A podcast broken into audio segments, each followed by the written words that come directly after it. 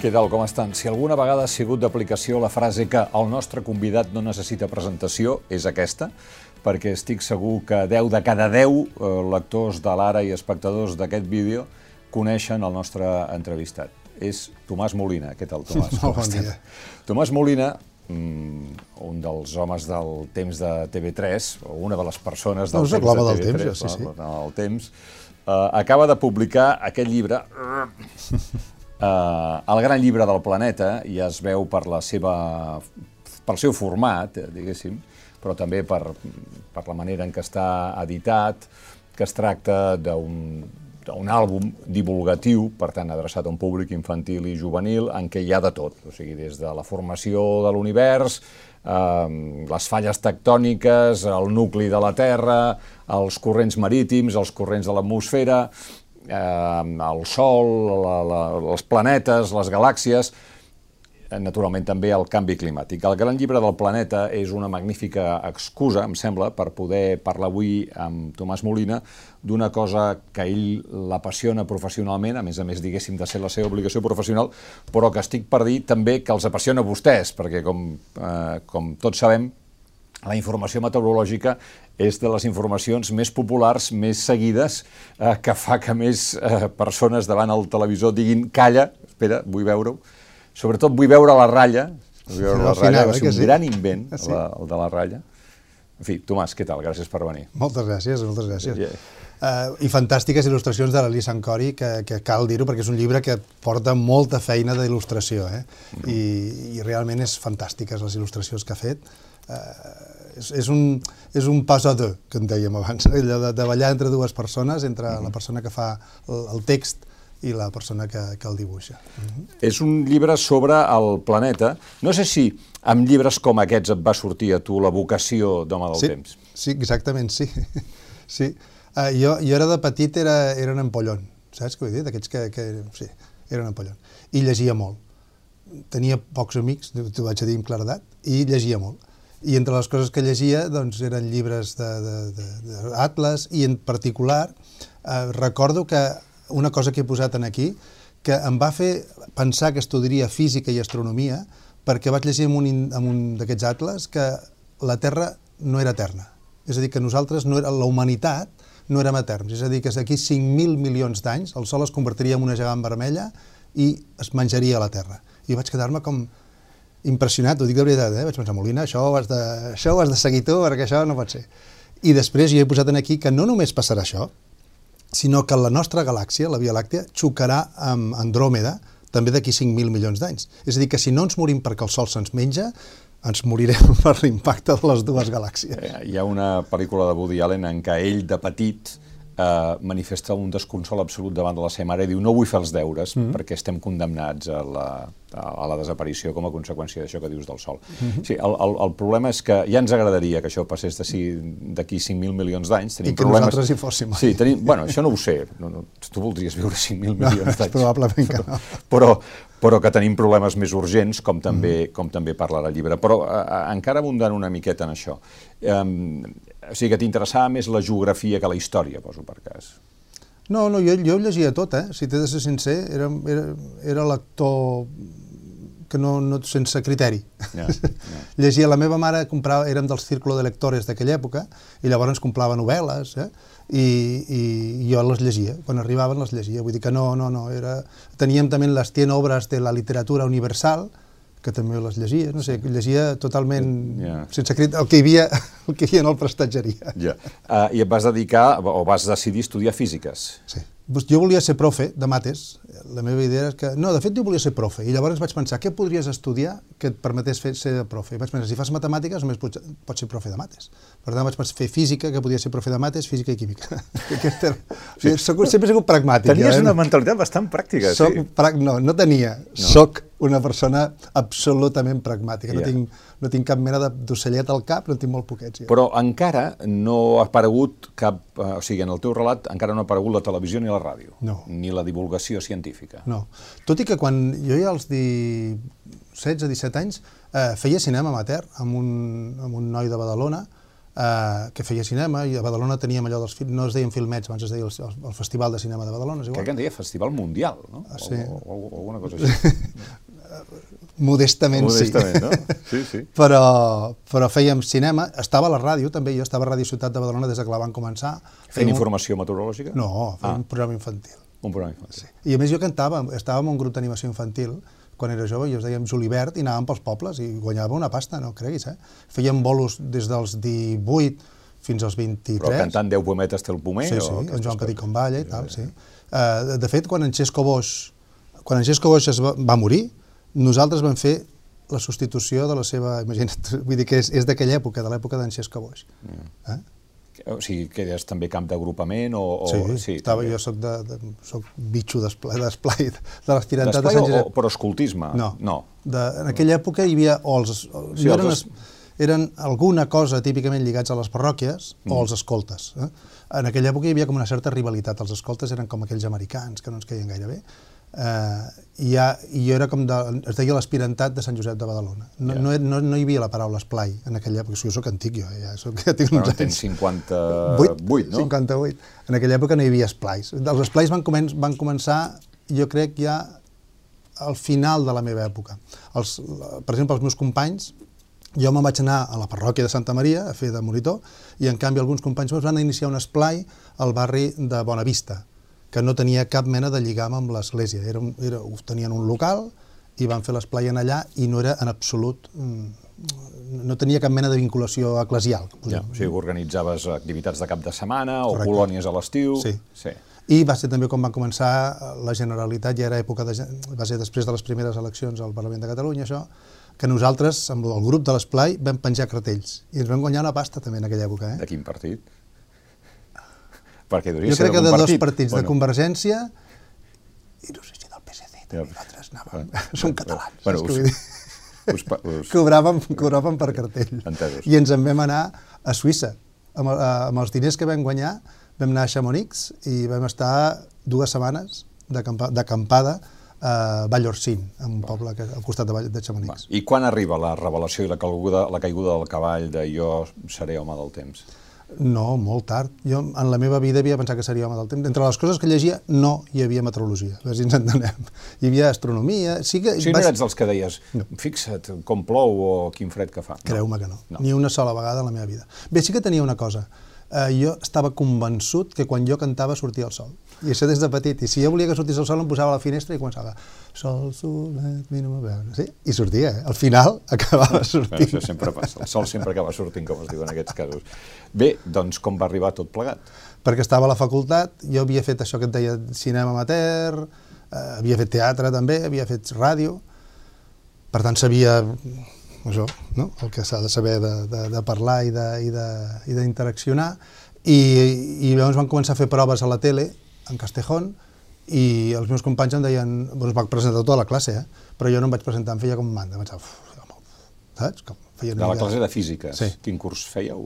En aquell moment feia quart, O sigui, ja estàveu, ja estàveu acabant. en aquell moment, eh, nosaltres fèiem, en aquella època, a quart i cinquè es feia especialització. I jo estava fent física de la Terra i el cosmos en aquella època, i era, feia astronomia, meteorologia i geofísica. És a dir, que podia ser les tres coses. Ja.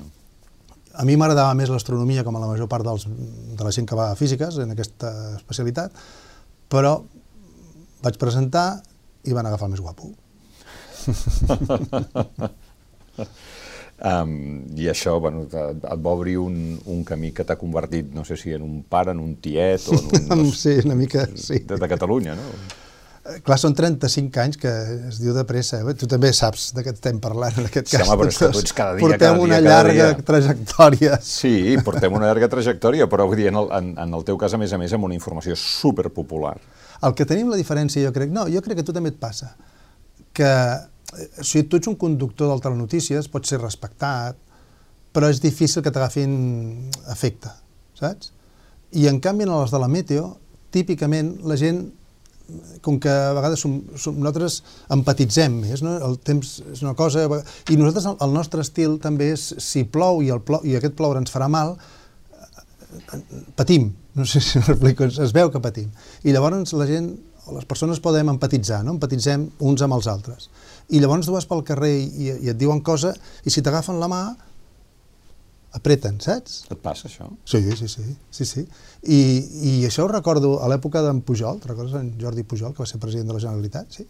Doncs en aquella època eh, feien un acte que m'hi convidaven sempre, que era donar els diplomes a les persones que havien après a llegir i escriure, saps? Mm -hmm. Feien, hi havia formació d'adults. D'adults. Mm -hmm i tenien un diploma quan aprenien a escriure. I feien uns actes descomunals al Palau de la Música, omplien completament el Palau de la Música amb persones que havien après, i cada persona, una a una, pujaven a l'escenari i el president Pujol els hi donava uh, un diploma, cada persona donant-los la mà, que a mi m'impressionava i em feia plorar, literalment, eh? I pujaven, pujaven, pujaven. I, ara no sé per què ho estava dient, però, però és una cosa que m'impressionava sempre... De l'empatia, de, de l'empatia de l'empatia que estem els homes del temps. Eh, quan pujaven i els, els hi feia una mica d'entrevista, eh, això era, sigui, era els, gratitud. El, els emocionava més veure't a tu no, que el president Pujol. No, no, era, una, era un acte i és una de les coses que encara, quan parlo, se me'n va, ja he vist que ara se m'han anat i tot, no? doncs m'impressiona, perquè era, clar, ella, tots em deien, tu no pots entendre què és no saber llegir, és que no ho podeu entendre, saps? Vas pel carrer i què posa? No, no ho sé, no? I quan ho pots llegir és, clar, és una altra vida, no? Segur. I era una gratitud va, descomunal. Jo crec també que en, el, en la feina que feu a la televisió eh, hi ha un component que fa a la informació meteorològica especialment interessant, que, eh, que és que té un, un component de risc, d'aposta, de previsió, d'aviam aviam com justificarà avui que ahir no la va encertar gaire o aviam què ens dirà d'aquest cap de setmana que ens interessa tant sortir. Uh -huh. És veritat que en els últims temps les previsions han millorat d'una manera exponencial, però tot i així eh, en, encara encara sou una mica com els xamans sí, sí. que ens diran què és, què és el que està a punt de passar. No? Sí, ha canviat com una mitja en aquests anys. Eh? La meteorologia, el pronòstic és, són radicalment diferents. Mira que ara tots tenim el mòbil i tu surts al carrer i dius, a quina temperatura estem? I diu, 17 graus. I tu et creus que són 17 graus. I és mentida. Allò no és un termòmetre, el, el, el mòbil no és un termòmetre, el mòbil el que et diu 17 és un pronòstic. I tota la humanitat, tots vostès, es creuen que, que són 17 graus veritables. I no, és un pronòstic. I també et posa allà un variable. No ho dona en temps real, l'aplicació? No, no, és un pronòstic. Tot el que tu vegis en el mòbil és un pronòstic. Llavors... Per això moltes vegades eh, diu, però què diu? Diu que està a Barcelona hi ha 90% de pluja i aquí no, no està caient ni una gota. És un pronòstic. Tant la precipitació com la temperatura com tot. Però... I vosaltres teniu millors mitjans a la tele per no, fer-ho? No, els mateixos. Els mateixos? La nosaltres som obsolets ja. Aquesta és la realitat. Qui, I nosaltres qui? Els mòbils jo, o vosaltres? Tu? Jo, els mòbils, no, els mòbils amb... amb, amb... No, l'aplicació del temps del mòbil, vull dir, no? Què, ah. què és el que és obsolet? Jo. Com els, observador. Els meteos, els meteos en si som obsolets. O sigui, el pronòstic... Fixa't que a, a França ja han decidit que retiraran, no de, deixaran de fer el pronòstic general. El pronòstic general és el que tu em vas fer a mi. I et surto per la tele i et diré Catalunya, aquest cap de setmana, això que deies sí, tu. Sí. Això se'n diu pronòstic general. Sí. Això a França, Meteo France, deixa de fer-ho ja. Per què? Eh? Perquè és que hi ha el mòbil. Quin sentit té que jo et digui que a França... Però em dius que el mòbil no l'encerta? I tant, si l'encerta. Tant l'encerta que tu i la humanitat sencera us penseu bueno, que és veritat. Perquè, és, perquè el tenim a la butxaca i és fàcil, però després, insisteixo, moltes vegades t'està dient vegades... que en aquests moments a Barcelona 90% de possibilitat de pluja i no, no cal ni una gota. Però tu treus el mòbil i el mires, sí o no? Sí, però... Vol dir que hi tens, hi tens confiança? Mm, sí, bueno, però també és que és, és, és molt fàcil, no? Vull dir, abans havies d'engegar ràdios per a que, que fessin el temps, ara ho tens allà permanentment. Però és una realitat que mai hi haurà cap home ni dona del temps que pugui donar servei a totes les persones de la humanitat amb la seva necessitat actual. Per tant, el pronòstic general està obsolet. No? Ara, què, en què ens estem convertint nosaltres? En una espècie de, de programa que t'explica el pronòstic que tu veus, que te'l fa entendre o que t'envia aquells missatges que tu has de recordar per exemple, aquest cap de setmana què farà? Farà com caloreta, no? No, no, mires, no mires el temps, eh? Sí, no, sí, sí d'acord, d'acord, disculpa. Sí, sembla que ara ve una pujada de les temperatures ah, ja. uh, que serà uh, 5 graus superior eh, a la eh? mitjana eh? d'aquesta època no de l'any. Mòbil. Això no t'ho diu no, això, mòbil. Això ho he sentit a la ràdio aquest matí. Doncs pues això. Eh? Ja. Llavors nosaltres et donem com, un, com unes idees que són de fàcil lectura i de fàcil recordar. Eh, hi ha molts estudis que s'han fet que la gent no recorda mai el pronòstic que ha sentit ni per la tele ni per la ràdio. Si tu dius el pronòstic, la gent no t'entén, hm? en general o almenys no entenen el detall del pronòstic. En canvi, si tu els expliques una història, això és com en premsa, si tu els expliques una història que pugui ser recordada, la gent sí que recorda una part d'aquesta sí. història. Llavors, què fem nosaltres? Enviem missatges que donguin una part recordable del pronòstic dels pròxims dies. Posa'm un exemple. Això que t'he dit, d'això que has sentit ara tu. Eh, quin és el missatge que vam donar el cap de setmana passat? Hola, que nevarà el mes d'abril, que és una cosa excepcional. Sí. No és impossible, però sí que sí. és eh, menys freqüent. I mirin la temperatura. Jo gairebé jupit allà tocant sí. el terra sí. eh, per, per mirar la temperatura, que baixaria molt, que faria el fred d'hivern sí. al cap de setmana. No vaig, això no és cap pronòstic. bueno, sí que ho és, un pronòstic. Sí. Però no és molt detallat. Bueno, tu ets un interpre... Tu ets un interpretador de les dades. Històricament, nosaltres hauríem dit el pronòstic del cap de setmana. Hauríem dit el Pirineu no sé què, el no sé què, no sé quantos, no sé què, no sé quantos. Això no ho hauria entès ningú, perquè és massa complex. El país, el pronòstic general és, és massa general i, per tant, no encertes en lloc ni fas content a tothom.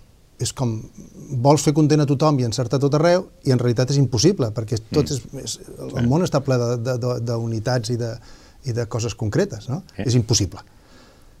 Si nosaltres, en canvi, et fem una història que sigui comuna per tothom, la gent la recordarà i a sobre la percepció serà d'encert més alt. Mm. I la segona trampa que fem és que abans el pronòstic es responsabilitzava, això era un estil, es responsabilitzava el pronosticador. És a dir, tu, com tu a vegades quan fas coses polítiques, que tu dones la teva opinió i acabes dient i guanyarà no sé qui, i després no guanya. En canvi, si ho orientes diferent, si tu ensenyes la història del que està passant, veuen aquest front que s'acosta per l'Atlàntic, eh, passarà, vindrà per aquí, però com que aquí vagi aquesta baixa, quan s'ajuntin en aquí hi haurà un muntant. Per tant, el que estàs fent és compartir el, el fet del pronòstic amb la societat, amb les persones. I estàs com... Mm, corresponsabilitzant. corresponsabilitzant a l'espectador, perquè ells ja han vist per què estic dient això. Si això no passa, si aquesta baixa d'aquí... Al final no belluga... No belluga, això serà diferent. Yeah. I també serà culpa seva. Saps què vull dir? Sí, sí. Eh, I, per tant, et sembla que sigui una tàctica, però és una, al final s'ha anat imposant aquesta mena de realitat, ex, explicar el pronòstic, yeah, perquè yeah. el pronòstic després ja el pots veure, però si tu ensenyes per què passa, també ho entenem millor. Ja, yeah. eh? ja d'acord. Ah, ah, jo crec que el que la gent recorda és la ratlla. Ara sí, ara sí, sí que sí. ja crec que anem de parlar. No sé de qui va ser idea, però fins i tot diries, escolta, jo, és que a mi, de tot el que diuen, l'únic que m'interessa Sí, és la ratlla aquella. És la ratlla aquella. Hi ha hagut molt de debat sobre com l'havíem de fer. Eh? Ara, la, ara la fem de veritat. O sigui, ara, abans ens la inventàvem, literalment, eh? eh L'inventàvem vol dir que, que la dibuixàvem nosaltres segons que interpretàveu de dir, va. Sí, sí, ara no. Ara és el model, i a vegades la, la, la modifiquem, però és, és com canvia el model a 1.600 metres. 1.600 metres és la primera capa d'aire lliure vol dir que no està influenciada per la temperatura, per la pujada de, de la temperatura diurna i nocturna. Durant el dia fa calor, durant la nit fa fred, no? no a 1.600 metres ja no, ja, no. ja tot, és, tot és estable. Sí. Doncs la temperatura a 1.600 metres, com canvia a sobre d'un píxel de, de 30 per 30 quilòmetres, per tant de 900 quilòmetres quadrats, a sobre de Barcelona, eh, que agafa l'àrea més poblada. Perquè, clar, què és el que nosaltres perseguim? Nosaltres perseguim la versemblança el pronòstic mai vol encertar, sempre vol ser versemblant. I què vol dir ser versemblant? Vol dir que la màxima quantitat d'usuaris percebin que el pronòstic que els han donat era correcte. Que això no vol dir encertar, sinó vol dir que tu creguis que he encertat, que és molt diferent, eh? Quan sí, ets... sí, però com, com passin setmanes que no l'encertis, al final no en creuré res. No, però per és tant... la teva percepció, la percepció de l'usuari. Eh? Si tu ets la persona que mires la tele i creus que ha encertat, no vol dir que hagi encertat, perquè potser jo he dit que plouria, ha plogut però tu no ho has vist. Mm? I tu la teva percepció t'has quedat amb l'idea que jo havia dit que plouria, però perquè plovia doncs, a les 7 del matí, que tu encara estaves, no sé si dorms a les 7 del matí, no, no. però potser no estaves al carrer encara. Sí, no? sí, sí. Llavors, quan tu envies el missatge, l'has de fer que sigui versemblant pel teu usuari. És a dir, que la majoria de les persones que l'escolten creguin que has encertat. No, en aquest sentit, les pluges potser no tant, però les temperatures eh, són, són més universals. Són, són definitives. Sí. O sigui, tu dius, sí, sí, ui, recordo que la ratlla estava molt a baix i fa uh mhm. -huh. molt de fred. Vull dir, això és veritat. No? Per no. això el missatge sovint és de temperatures. El missatge més fort sovint és de temperatures. Mm. Jo el que recordo d'haver parlat amb vosaltres, singularment al matí de Catalunya Ràdio amb el Francesc Mauri, eh, era que eh, jo a vegades us deia, però com és possible que eh, a Nova York o a París o a Londres el pronòstic del temps sigui tan exacte. O sigui, jo mm. recordo eh, a final de la Champions del 2006, que el Barça va jugar a París, van dir eh, durant el dia farà bo, però a la tarda es complicarà i és molt probable que a l'hora del partit, a la primera part, plogui. Escolta, clavat, no? Dic, això a Catalunya no passa mai. Estic parlant del 2006, o sigui, de fa 16 anys. Uh mhm. -huh. I em deia, bueno, és que eh, entre París i no sé quants quilòmetres d'Atlàntic no hi ha res i per tant tu veus a venir un anticicló, una borrasca o el que uh mhm. -huh. sigui i pots clavar-ho. Catalunya no, perquè és, és més petit, està rodejat de muntanyes i està al final d'una península, diguéssim, i aleshores quan arriben aquí les coses ja, ja, ja, han, ja han rebut moltes patacades i no uh -huh. sé mhm. què.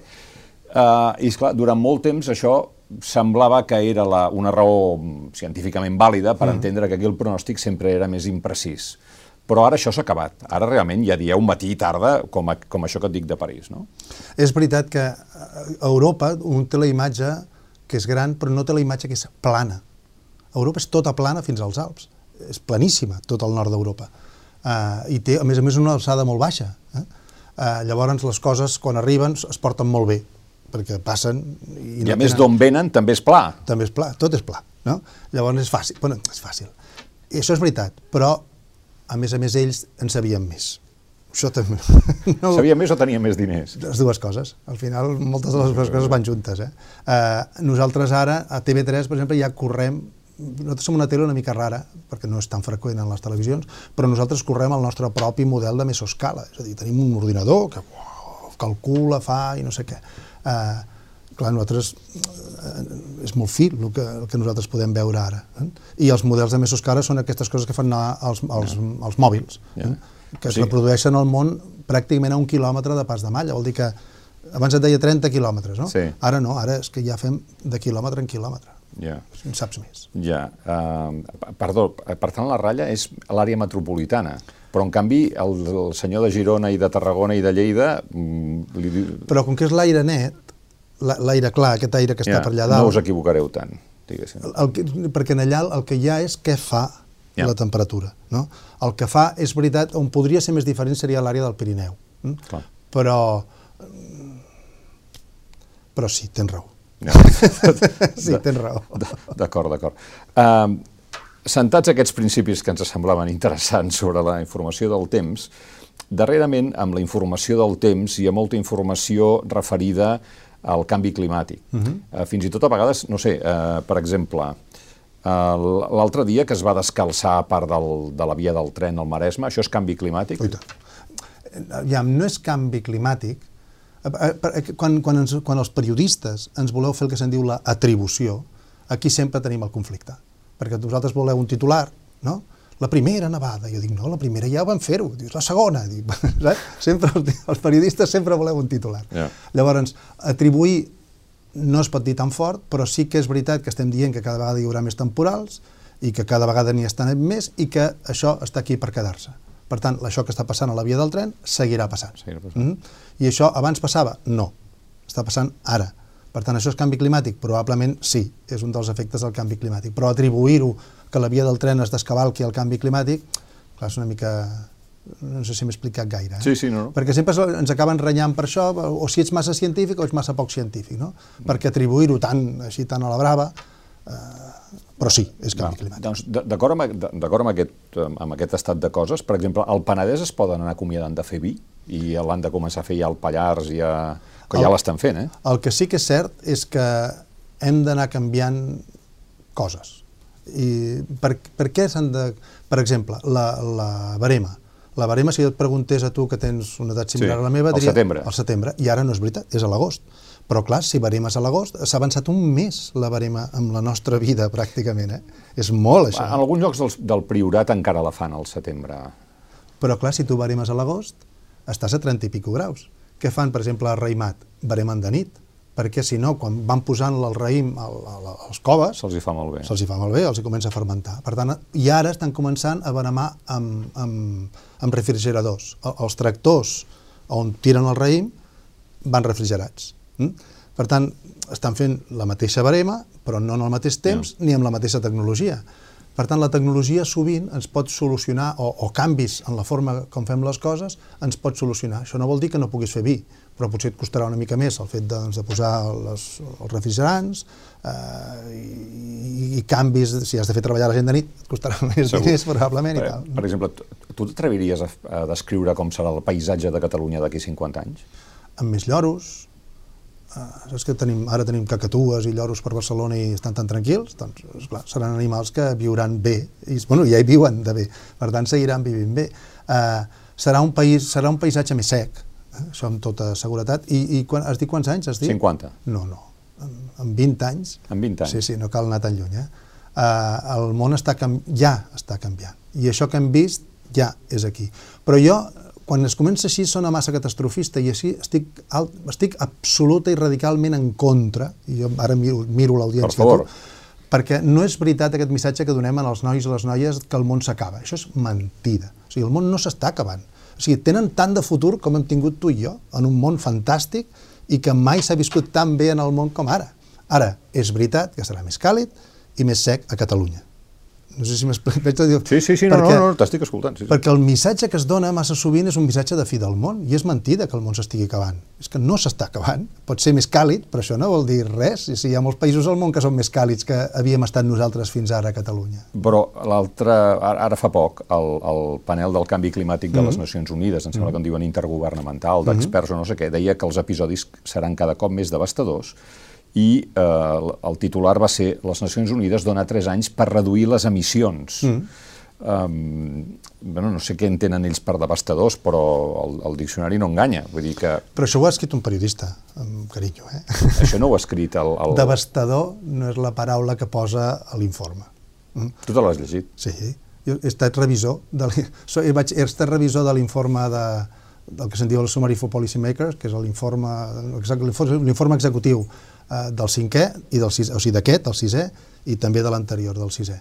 Eh, I per tant, sí, sí, me l'he llegit sí, sencer. Va, aleshores... Ella posant-li notes. No, d'acord, però a, a, aleshores, entenent, diguéssim, la, el, el teu sentit de la responsabilitat, no només personal, sinó científic, sobre sí. el que esteu intentant comunicar a la gent del canvi climàtic, eh, portem-ho als exemples pràctics, és a dir, de la mateixa manera que ara els temporals del mar ja estan descalçant a vegades sí. a, a, a, les vies del tren, la gent que té un apartament a la costa... Mm, que, també.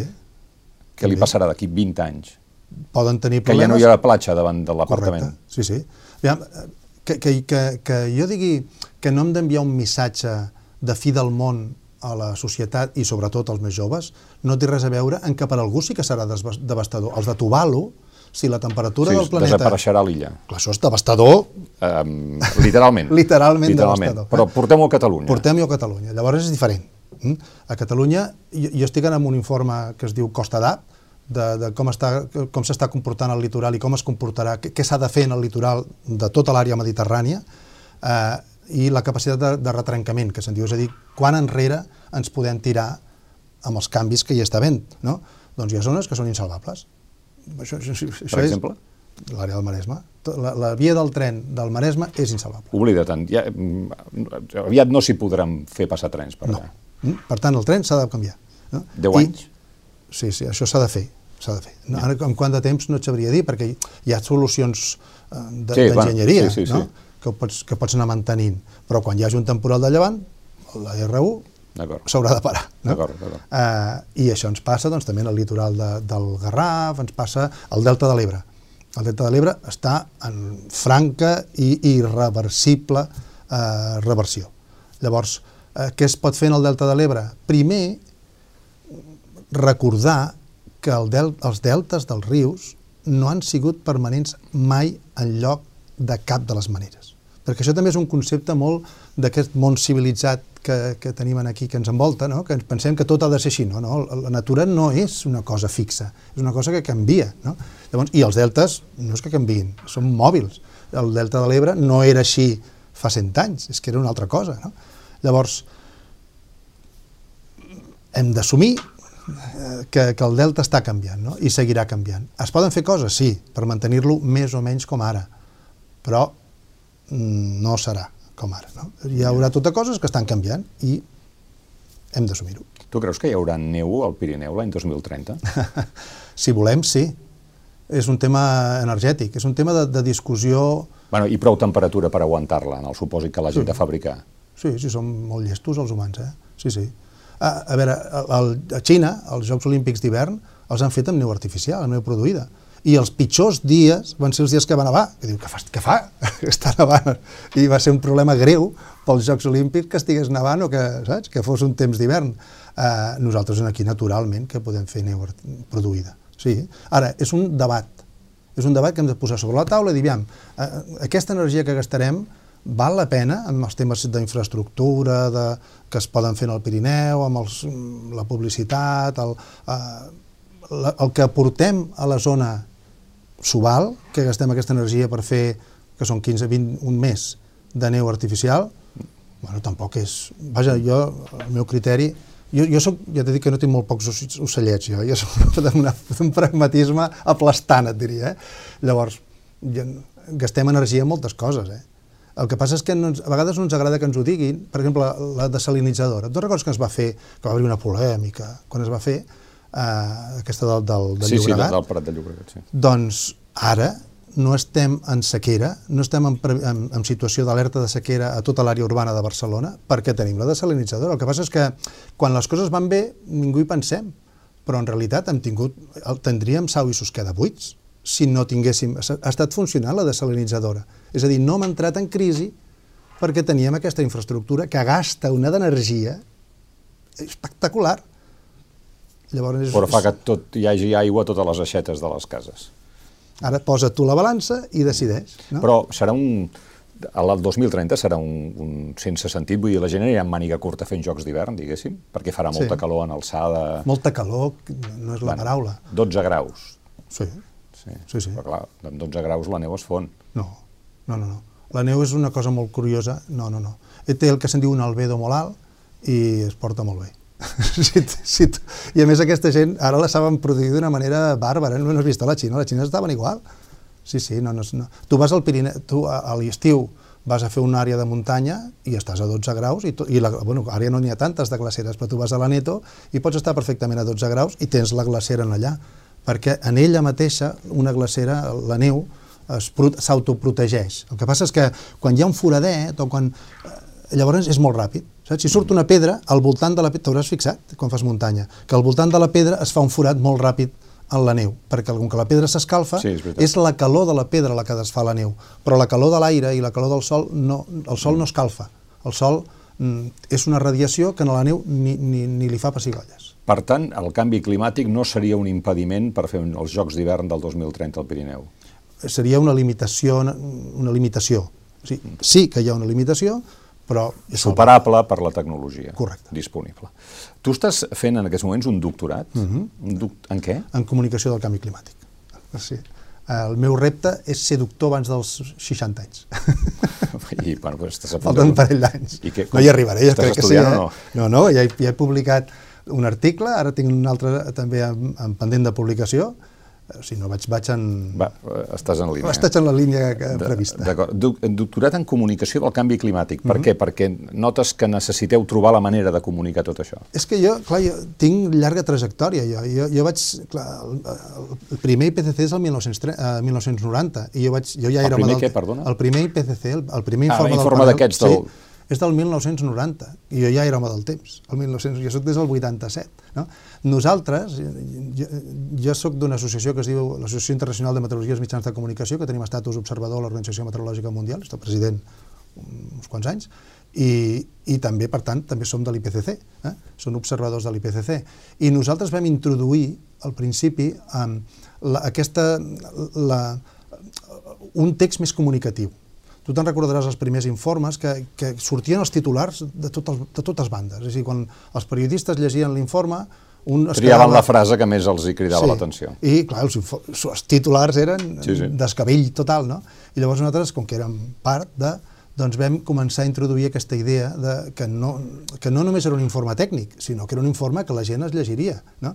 I, per tant, la part comunicativa s'havia de cuidar. Jo mateix vaig proposar que hi hagués negreta, i una tonteria, tu diràs, això és una tonteria, no? Però no és tan fàcil, perquè com que tot ha d'estar, mm, tot ha de ser un concepte científic, quin va ser la meva proposta? Que quan hi hagués l'agreement fos eh, superior oh, a un cert, un, un cert nivell, allò es pogués convertir en, un, en, una, en una afirmació. En una afirmació que es pogués marcar amb negreta. I això es va fer. Que quan el 60 o el 70% no, dels científics, del 80, el 80 sí.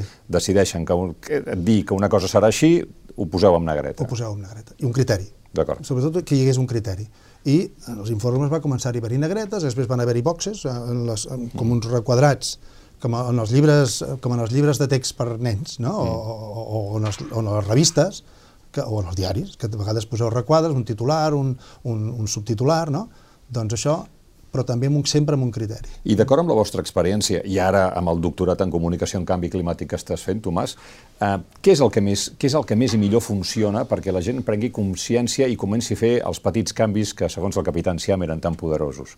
Eh, perquè, és clar aquí pots des d'espantar, eh, pots desmobilitzar, perquè, clar, si resulta que, que, que, que, que la fi del món s'apropa, doncs, escolta, és igual. És igual. És igual, perquè mm -hmm. compro coses en plàstic perquè, total, no vindrà de mi. Bueno, doncs, què heu descobert que funciona i què és el que esteu aplicant a TV3 per informar? Nosaltres, en la COP15, que va ser després de, de quan va caducar el protocol de Kyoto, Europa volia liderar, te recordes allò que deien el 20-20-20? Que el 2020 el, el 20% fos d'energies renovables? El... Això és a París, no?, que es va fer? No, això va ser a Copenhague. A Copenhague.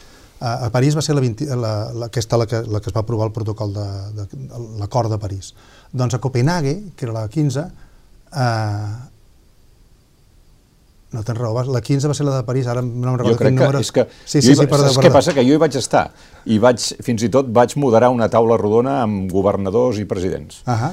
A la 15. El, la, de Copenhague, la de Copenhague no recordo quin, quin número era. Però, però, però en tot cas... Jo crec que va ser abans. Sí, sí, abans, sí, sí. La Copenhague era, era va ser abans i París el 15. Sí, perquè Bueno, ara això haurem de buscar-ho. Perquè no, ara... perquè jo, jo estava als Estats Units aleshores i recordo que Obama va anar a Copenhague. Uh -huh i jo vaig tornar als Estats Units el 13 gran... i el 15, sí. Per va haver-hi un, hi havia una gran esperança sí, que Copenhague sí, fos el sí, París que sí, va ser després. Sí, no? sí. En aquella època Europa es va fer una cosa que es deia mm, clim, o sigui, European, és igual, una, una xarxa de comunicadors del clima de la Unió Europea, que vaig presidir jo en aquest cas també, i es volia donar un, un punt de vista comú als europeus perquè estiguéssim a favor, perquè, és que ara dit així queda fatal, però donar un missatge comú al llarg d'Europa a través dels homes i dones del temps. No? Eh, I quin era el missatge? Vam estar debatint molt sobre això que deies tu. Espantar no es va veure... Vaja, és un error, jo crec, eh? eh en canvi, portar-ho... Saps allò del backyard, on your backyard? Eh, eh, el que hi ha, tu mira al teu voltant i veure si el teu voltant ha canviat, no? Has vist, ara veus uh, lloros o hi ha cacatues sí, a Barcelona? Sí, sí. Això hi era abans, o, no? O els trens del Maresme, sí. Els sí. trens del Maresme veus que tenen un problema que abans no tenien, és a dir, portar-ho a aquelles realitats que t'envolten que tu pots percebre com a, com a reals, no? I aquest va ser un dels objectius comunicatius que vam fer a la, abans de, de Copenhague. Uh, espantar jo crec que no funciona. Aquesta idea ara de, de la crisi climàtica, de l'emergència climàtica, per què surt? Perquè ara en el que t'informa el que s'ha vist és que a partir del 2030 és un punt d'inflexió. El, el futur es fa amb el que se'n diuen escenaris. Els escenaris vol dir que tu t'imagines una possibilitat de, de com serà el món d'aquí els pròxims anys. I això ara es redueix amb el que se'n diuen els, els, els camins de, de radiatius, és igual, que seria la quantitat de diòxid de carboni que hi haurà en l'atmosfera en cada una d'aquestes possibilitats de futur. En el món serem 10.000 milions de persones que consumirem no sé què i no sé quantos. Això quant de fum farà? Quant de diòxid de carboni farà? Vale? Doncs perquè l'aire, la temperatura de l'aire al 2100 estigui al voltant de 2 graus per sobre de l'època industrial, cal que en l'aire hi hagi no més de 480 parts per milió de diòxid de carboni. Mm? Ara estem a 420 parts per milió i estem pujant a raó d'unes dues, dues i mitja parts per milió per any. Uh, si no, el, el, això és París. Mm? Uh, I es veu que no arribem. Eh? Per tant, què hem de fer? Hem de reduir dràsticament allò que en diuen ser carbono neutrals i es fa un cap enrere. Mm? Aquest cap enrere el que ens diu, el que veiem, és que el següent escenari, si tu arribes a, a unes 500 parts per milió, la temperatura pujarà més de 2 graus i mig, gairebé 3, que és el, el que està per sobre. Després en puges a 4, després a 7, saps? Hi ha diversos escenaris. Doncs, quan se separen aquests escenaris? El 2030. El 2030, com que la natura no és una cosa que creix... Tu saps que la natura, tu te repenges en aquesta taula, no passa res, no passa res, el següent que passarà és que es trencarà. Saps? No hi haurà una part intermitja. Si tu ara comencem a saltar aquí, tu i jo, la taula està bé, però hi haurà un moment que la trencarem. No? La natura no és una evolució, sinó que són trencaments. No? Eh, el trencament es produeix el 2030. La separació de, de, dels escenaris es produeix el 2030. Per això tot s'està planificant el 2030, amb una execució 2025. Eh? Eh, I el 2050 es decideix que hem de ser carbononeutrals, però no és tan fàcil ser carbononeutrals, perquè som 7.000, gairebé 8.000 milions de persones que han de canviar el seu estil de vida. Això no és tan senzill. Per tant, per això es parla ara d'emergència climàtica, perquè o ho fem ara o és segur que no arribem a l'acord de París. I llavors això quines conseqüències té? Perquè tu dius que no serà la fi del món. No, la fi del món no és. Una altra cosa és que, eh, per exemple, què ens passarà ara? Què ens passarà Però hi haurà més ara? refugiats... Perdó. Ah, sí. Ara ens passarà a Catalunya que tindrem temperatures de 40 graus. Això no ens passarà en el futur. Eh? No, ara aquest estiu. Aquest estiu. O sigui, aquest estiu a Lleida o al, al delta, a, la, a les Terres de l'Ebre veurem 40. A, a Andalusia, aquest estiu passat, ja van tenir nits amb temperatura mínima de 35 a 37 graus. Això són mínimes, eh? Mínimes. Eh, llavors, però això és fi del món? No. Tu poses un aire condicionat i dorms. O sigui, o sigui, hi ha molts llocs al planeta, Afganistan, aquest any ja van tenir temperatures de 57. En allà potser sí que és una mica fi del món, perquè amb aire condicionat vius, però, però amb 57 ja. graus no pots sortir Però això té un efecte sobre l'aigua disponible, ah, sobre el menjar disponible... Naturalment. A Espanya bueno. hi haurà, un, això és un altre titular, ens, ens barallarem per l'aigua. Això és, és una evidència absoluta, perquè tot el sud de la península ibèrica tindrà disminucions depèn dels models, però això no estic parlant del 2100, torno a insistir, eh? estic parlant del 2030, eh? Uh, del, del 15, 20, 25%, depèn de quines zones del sud d'Espanya. A Catalunya estem, no ens toca tant, i estaríem, si arribem al 10%, jo crec que estarem en molt, no? Però a Catalunya hi ha llocs que tenim 400 litres, si ens treuen un 10%, són 350. Això ja ens porta a desertificació. Per tant, és veritat que hi haurà zones a Catalunya que hauran de patir desertificació. Per però això no és fi del món, eh? Torno no, a dir. Home, però el que, el que viuen aquestes zones, quines zones són? A, a les Terres de l'Ebre, algunes zones... El Pla de Lleida estat, patirà perquè té menys hores de boira i llavors augmenta la seva evapotranspiració, com que quan hi ha boira no se'n va l'aigua. No? En canvi, si no hi és la boira i tal, doncs és més sec, eh, es perd més aigua. Ja. Uh, aleshores, um, davant d'aquest panorama, um, per exemple, uh, passar del cotxe de combustió al cotxe elèctric és una gran solució? És la solució que tenim ara. Um, perquè això també, jo crec que ho hem après amb, amb la Covid. El Covid, quines són les solucions? Doncs pues la que tenim en cada moment. No, no, no ens podem inventar. La veritat és la veritat. I llavors ens agradaria, no, però s'ha d'anar a les veritats. Bueno, en 10 mesos van inventar-se una vacuna. Doncs pues ja està, ja està, no? Vull dir que la gent som, els humans són molt llestos, eh? Però ah. quan, els, quan, quan, quan estan davant del perill, abans no. Sí, però ho som, de llestos. I al principi, quan no la tens, no saps com és. Això també és una altra de les coses de la ciència que la gent hem d'entendre. La ciència no ho sap tot per art de màgia. Necessites, necessites aprendre i, i tenir dades i poder-les estudiar. Però, però això no treu que siguem capaços d'adaptar-nos i, de, i de trobar solucions. Vull dir que no, aquí no vale, ha... jo, jo deia això del cotxe perquè sembla que... Bueno, no sembla no, anem cap aquí, vull dir, hi ha, sí. hi ha decisions polítiques sí. que fan... Però aquest no és el futur, eh? El futur serà el cotxe d'hidrogen. Aquest és una fase intermitja. Fixa't ara que també l'energia nuclear és una energia I verda. o no? Sí. I tots hem portat aquí el nuclear, no, no gràcies, gràcies, sí. sí. Uh, però ara, si ho poses en una balança, dius, què? Què fem? No? D'acord.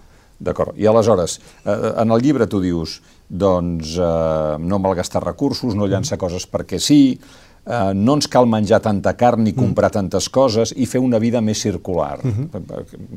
Què entens tu per una vida més circular? Ser raonables. Mira, aquest sisè informe el que diu és si nosaltres volem ser carbono neutrals al 2030, cal fer tres coses. La primera és eh, canviar la nostra actitud. Una actitud, això que t'he dit, menjar menys car, per què? Perquè s'ha vist que la carn és la gran emissora de, de, de matar. Els pets de les vaques són una rissa, però és veritat, són els grans emissors eh, de matar. Llavors, menjar carn, no ningú diu que no, però menjar-ne menys. No cal tenir una ingesta de carn tan, tan permanent. Només amb aquest canvi d'actitud, vol dir baixar la calefacció, això que has dit tu, eh? Uh, estalviar, si aquest jersei està bé, doncs que el porti el, el, fill, el següent fill, que ja, tot el que fèiem tu i jo quan érem petits, tampoc estem dient res de l'altre món. No. Uh, això pot reduir un 25% les emissions de diòxid de carboni. El segon és col·laboració pública-privada, que vol dir que els estats en si no tenen capacitat de fer un canvi radical a curt termini. Els estats poden fer lleis, el, els governs, el, els parlaments, poden canviar el futur, però no poden fer. Qui pot fer-ho? A partir dels ajuntaments i en avall, les empreses públiques o privades, eh, una escola, si a l'escola diuen tanqueu el llum quan sortiu de la classe, tanques el llum i estàs gastant menys. No? O baixem un grau la calefacció, es baixa i es fa. No? Allò que es fa executivament ara funciona. Doncs aquesta col·laboració pública-privada pot reduir també un altre 25%, ja estaríem en el 50% de les reduccions abans del 2030. Què s'ha de fer després? El canvi. I aquest canvi sí que han de fer-ho els governs i els estats i els parlaments. I és un canvi de, de, de, de funcionament. Els cotxes elèctrics, canviar els cotxes, clar, no és tan fàcil, perquè has de donar uns incentius, has de... què en fas amb els cotxes antics?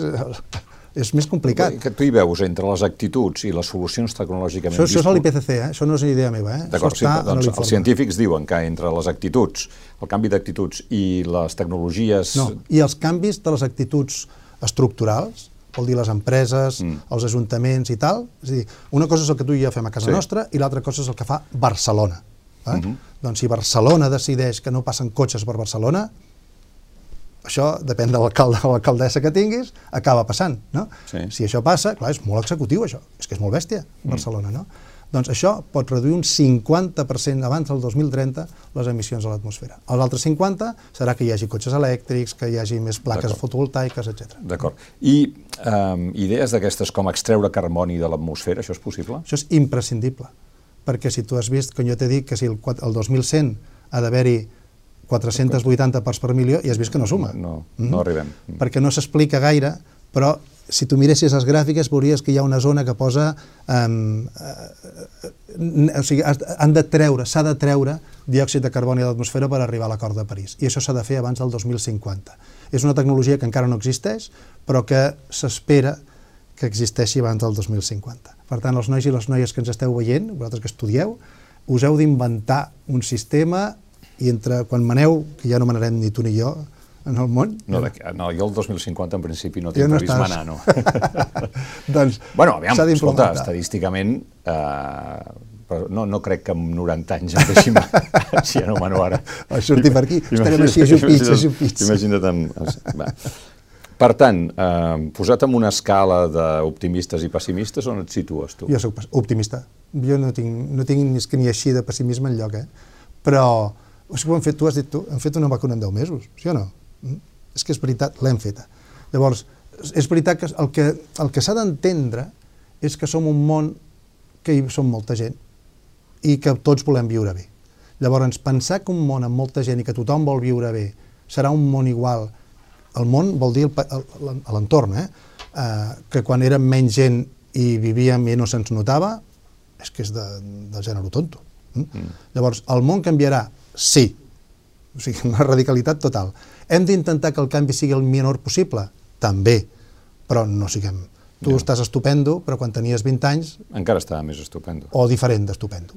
O jo amb 16 tenia uns grans aquí home, espantosos. La, el, diguéssim que el cos estava més, més fresc, sí, més, però ara més aquestes fort, ulleres sí. que portes són maques, no? Ah, no bueno, és una altra cosa. Doncs ja estamos, no? Ja. Eh, però, però en tot Vull dir cas... que el món s'ha de trobar les seves ulleres o aquestes coses. Sí, i tu sí. no tornaràs a tenir 20 anys, ja que no. Però, per exemple, s'estan fonent els pols, això Sí. serà irreversible. Serà I, irreversible. I els ossos i els pingüins que veiem que... Ja. Sí. Sí, sí, però no, no és que sigui insensible, ara estic quedant com un Sí, insensible dir, com total. es pot ser optimista si, si es fonen els pols? Però és que al final, perdona, eh, és que sóc molt natural jo, eh? però d'aquí, eh, és que probablement estarem morts tu i el 2050, no sé si arribarem als 90 anys. I el món serà pitjor perquè jo estigui mort? No. Home, la gent espera, arriba, espera. arriba als 90 i als 100 amb força, vaja. Sí, molt bé. Sí. Però, per però tant, al 2050 l'esperança de vida se suposa que, que encara serà més alta. arribarem als 97, sí, sí, Sí, sí. sí. Però el que vull dir-te és que mm, hem de treballar i lluitar perquè el món canvi el menys possible. Però pensar que el món no canviarà amb 10.000 milions de persones, quan, quan jo tenia 20 anys el món eren 3.500 milions de persones, és que, no, és que, vol, és que estàs tancant els ulls. No? O sigui, jo amb 58 no sóc el nano de 20 anys i no ho tornaré a ser mai. Mm. No?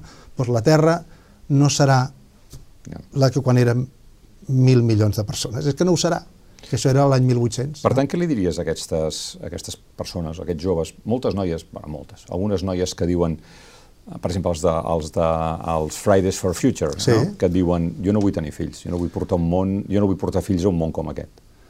que per això em poso tan dur dient que, és veritat, que no és veritat que no tinguin futur. És a dir, és que no ho és de veritat, és que simplement no ho és. Mai hem viscut, tu mateix ho has dit, Quan, quants anys viurà aquesta noia? Probablement fins als 97. Mm? I amb quina qualitat de vida més alta, sens dubte, que la que tenien els meus pares, sens dubte. Ara, no hi haurà, potser no podrà consumir tants plàstics o fer tants viatges amb avió... O... No sé, o potser sí, és que no ho sabem, potser no els avions llavors ja seran d'hidrogen, no sé. Eh, Jo crec que ja seran d'hidrogen en, eh, quan ella sigui gran. Per Si tu t'imagines un escenari en el que d'aquí 50 anys diguis, ostres, te'n recordes quan ens angoixava el canvi climàtic? No. No, perquè seguirem molta gent. És a dir, encara que siguem capaços de reduir, som molta gent. I clar, tots aquests de l'Afganistan o no sé què, o, o, o, o, o Sí, sí, de les més càlides, vindran a, aniran al nord. Correcte. I, i, i, seguirà, i, volem viure, i voldran Per viure tant, també millor. Hi haurà més refugiats climàtics. O si n'hi diem d'aquesta manera, o al món ens mourem més. Ens haurem d'acostumar que no tots som igual de blanquets Ja. i, de, i, de, i amb els mateixos pensaments que tenim mm. nosaltres. Tu abans, ara fa un moment m'has dit que, que ja no tens eh, els 20 anys, però tu fas coses com de gent de 20 anys, perquè et veuen a TikTok Sí, i, i, i, a Instagram. I, i, I per què ho fas, això? perquè el meu fill m'ho va dir. El meu fill, que llavors tenia, set, tenia 16 anys, llavors, sí, jo crec que quan vaig entrar a Instagram, em va dir, papa, has de tenir Instagram. Dic, jo faré Instagram si tu em dius què he de fer. Diu, vale. I llavors ell em deia, fes el tonto, jo feia el tonto. No tinc, no tinc gaires... pro- No tinc ocellets al cap, però no, tinc, no em fa vergonya gairebé res a mi. I ja està. Ara m'he parat una mica, eh? com que ara ell passa més de mi, com ja s'ha fet, ja, ja té 19 anys, i ja, papa, què? Ah, Saps? Ja. Em mira d'aquella manera, Sí. el meu fill petit aquest, eh? Sí, sí. Eh, clar, faig menys coses, perquè no tinc, no tinc el meu assessor principal, que és Ja. el que em feia ser jove. I has arribat a un públic al que els hi expliques, no sé, doncs com fer una presentació, mm. no?, aquestes coses. Sí, perquè aquí sí que... Clar, jo he sigut monitor d'esplai molts anys i encara tinc... A, a, o sigui, m'indigna, m'indigna, és la paraula, que, que, els, que, que es- estiguin tan baixos. I sobretot aquests nanos, com el cas del meu fill, eh? el meu fill va passar el batxillerat amb la, amb la pandèmia i es va ser devastador. Mm? Perquè, clar, no, que és el canvi aquest que... Saps? Eh, El canvi hormonal, les Arribes ganes de sortir, de menjar-se el món i no pots sortir de casa. i estàs a dintre tancat, a més a més l'estudiar, clar, amb aquella pantalla, clar, Sí, sí, no, no poder veure els companys, ni riure, ni... ni. Sí, sí. per tant això hi ha molts noies i molts nois que han sigut, ha Sí, sigut sí. molt dolent, no? Segur. I ara han arribat a la universitat i per sort oh, estan veient, i ara el meu fill a la universitat és com, hola, uh, sí, no? I com se'ls desperta, però això els hauria hagut de passar abans. Ja. Aquest despertar, I tu estàs com animador a les xarxes. em sento una miqueta com que, com que en aquesta part de, de, que deien que la gent et fa així, Sí, sí. Ara tu vols donar-ho als joves. Sí, o, o també, com que m'ho fan, no? M'indigna. M'indigna que algun nano em vingui i em digui... Saps? No hi ha futur, No hi ha escolti. futur. Què vol dir que no hi ha futur? Oh, és que vostè diu que el món s'acaba. I sobretot perquè hi ha aquesta mania, i jo crec que els, els, la premsa en tenim també la culpa, de sempre posar lo dolent tot el rato, sense parar. Hi haurà coses dolentes, sí, però és que sempre hi ha hagut coses dolentes. No? Eh, jo me'n recordo quan els contes tu i jo quan érem petits, tots eren terribles. Tu te recordes dels contes? Sí, sí. És sí, que sí. tots eren... Una crueltat. Una crueltat. Mm. El, el, barro, el, en Patufet, tu te'n recordes el, el llibre? És que, clar, jo llegia en Patufet encara, jo soc d'un altre, d'un altre temps, d'antes soc jo. Però clar, els, els contes d'en Patufet, tots es morien sempre, la mare es moria... No, no, Era terrible. terrible. Tot sí era no? ple d'orfes i, i, de, i de madrastres malvades. Sí, sí. I ara, però fixa't, eren més optimistes, jo crec que llavors, que ara, que tot és endolçat i, i, i, tot, tot és, sembla que hagi de ser bo i no els donem cap missatge perquè dolent. Ten, perquè es complia una expectativa, que és que la generació que venia a continuació vivia millor que l'anterior.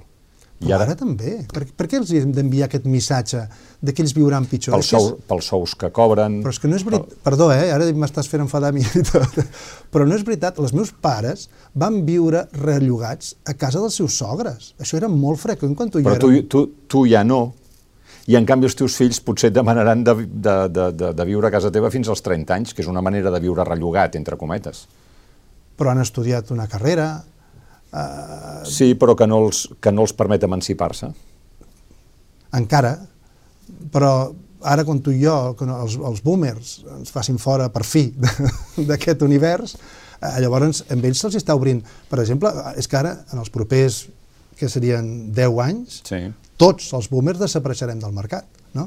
Per tant, ara se'ls està obrint un forat descomunal a tots aquests joves que ara tenen...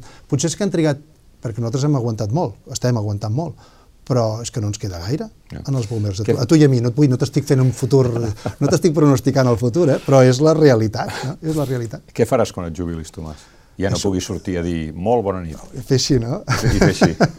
Ho estic pensant, eh? no creguis. Eh? I, I és una cosa que em preocupa, no sé si et passa a tu també, però... No, a mi no. No? jo, per, per això jo crec que estic fent el, el, el doctorat. El doctorat. Sí. Uh, i, i no ho sé. Molt bé, en tot cas, no sé. ja tindrem notícies teves. Tomàs Molina, moltíssimes gràcies per haver vingut a, a totes aquestes explicacions i si en volen més, eh, a propòsit de, del, del món en el que vivim físicament, el gran llibre del, del planeta, que em sembla que és una, una molt bona opció eh, per, la, per la canalla, per entendre eh, el, el lloc sobre el qual tenim els peus i l'aire que, que respirem. Gràcies, Tomàs. Gràcies, a vostès també gràcies per haver-nos vist i fins una pròxima ocasió.